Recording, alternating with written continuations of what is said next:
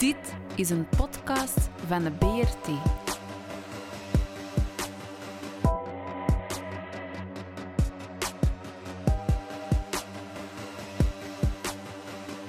De Brabantse radio- en kleurentelevisie. Waarde landgenoten, mes compatriot. Ik moet het u niet zeggen. U zal het hoogstwaarschijnlijk al gemerkt hebben, maar Brabant wordt getroffen door een ongeziene crisis. Een crisis van ontspoorde, hoge, belachelijke facturen. Tarieven tot tien keer het gewone bedrag worden meer regel dan uitzondering en zijn dan ook onbetaalbaar. We willen ze niet alleen betalen, we kunnen ze ook niet betalen. Voor de vele regeringen van onze regio is er blijkbaar nog geen probleem. Door de belachelijk hoge partijdotaties en de hoge lonen zullen de heren en vrouwen politici niet merken wat de impact van zo'n hoge factuur is op de gewone Brabander. Nee, de Vlaamse regering speelt liever nog wat politieke spelletjes alvorens ze maatregelen nemen om de facturen te doen dalen. Want dat is wat wij willen. Geen tegemoetkomingen links of rechts van enkele euro's, maar een substantiële daling van de facturen. De schijnhertog en de MBB zijn het Brabantse recht op verzet indachtig dan ook tevreden dat het Brabanders zijn die in verzet komen. In verzet tegen deze hoge facturen. Het kan toch niet zijn dat een Franse, Franse multinational nu bijna 10 miljard euro winst maakt en tegelijkertijd woekerfacturen stuurt naar de gewone Brabanders. Wij zijn dan ook tevreden met het protest dat hier tegenkomt. Protest zoals de Wij betalen niet campagne.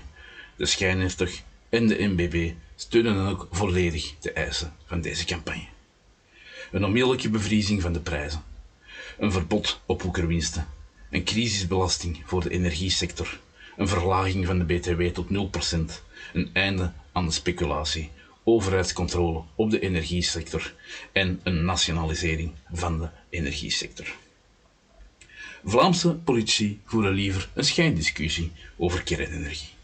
Er zijn er zelfs die om de problemen nu aan te pakken pleiten om een nieuwe kerncentrale te bouwen. Hoe een nieuwe kerncentrale, die waarschijnlijk 20 miljard euro zal kosten en pas binnen 10 à 20 jaar operationeel zal zijn, de problemen nu kan aanpakken, het blijft ons een raadsel. De echte discussie is immers niet kernenergie of geen kernenergie. Nee, het zou moeten gaan over de mislukte liberalisering van de energiemarkt.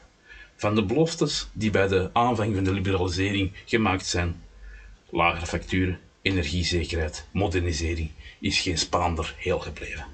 De prijzen zijn hoger dan ooit, de energiezekerheid, de bevoorrading is volledig onzeker en we zijn bezig om stokoude centrales te verlengen. Omdat echte modernisering wegens winstmaximalisatie van energieconcerns uitblijft. Energieconcerns kiezen voor winst in plaats van de noden van de bevolking. De regeringen van dit land, met de Vlaamse op kop, vinden het oké dat er jaar na jaar miljarden naar Parijs gaan. Met het geld dat verdwenen is, hadden we reeds langs een omslag kunnen maken.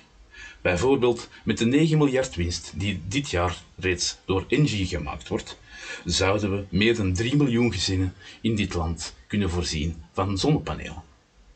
Dat zijn keuzes die je kan maken wanneer je energie niet winstgedreven, maar maatschappijgedreven is.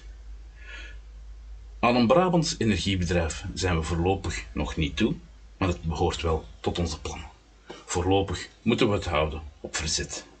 Verzet tegen onrechtvaardige maatregelen behoort tot het DNA van Brabant en gaat terug tot het charter van Kortenberg van 27 september 1312.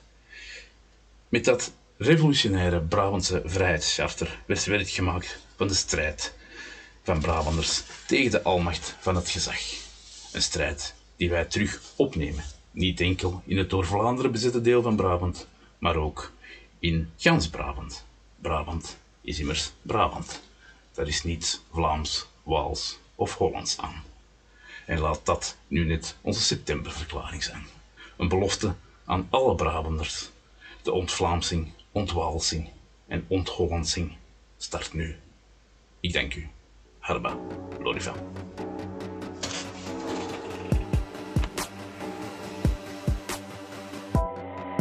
Dit is een podcast van de BRT.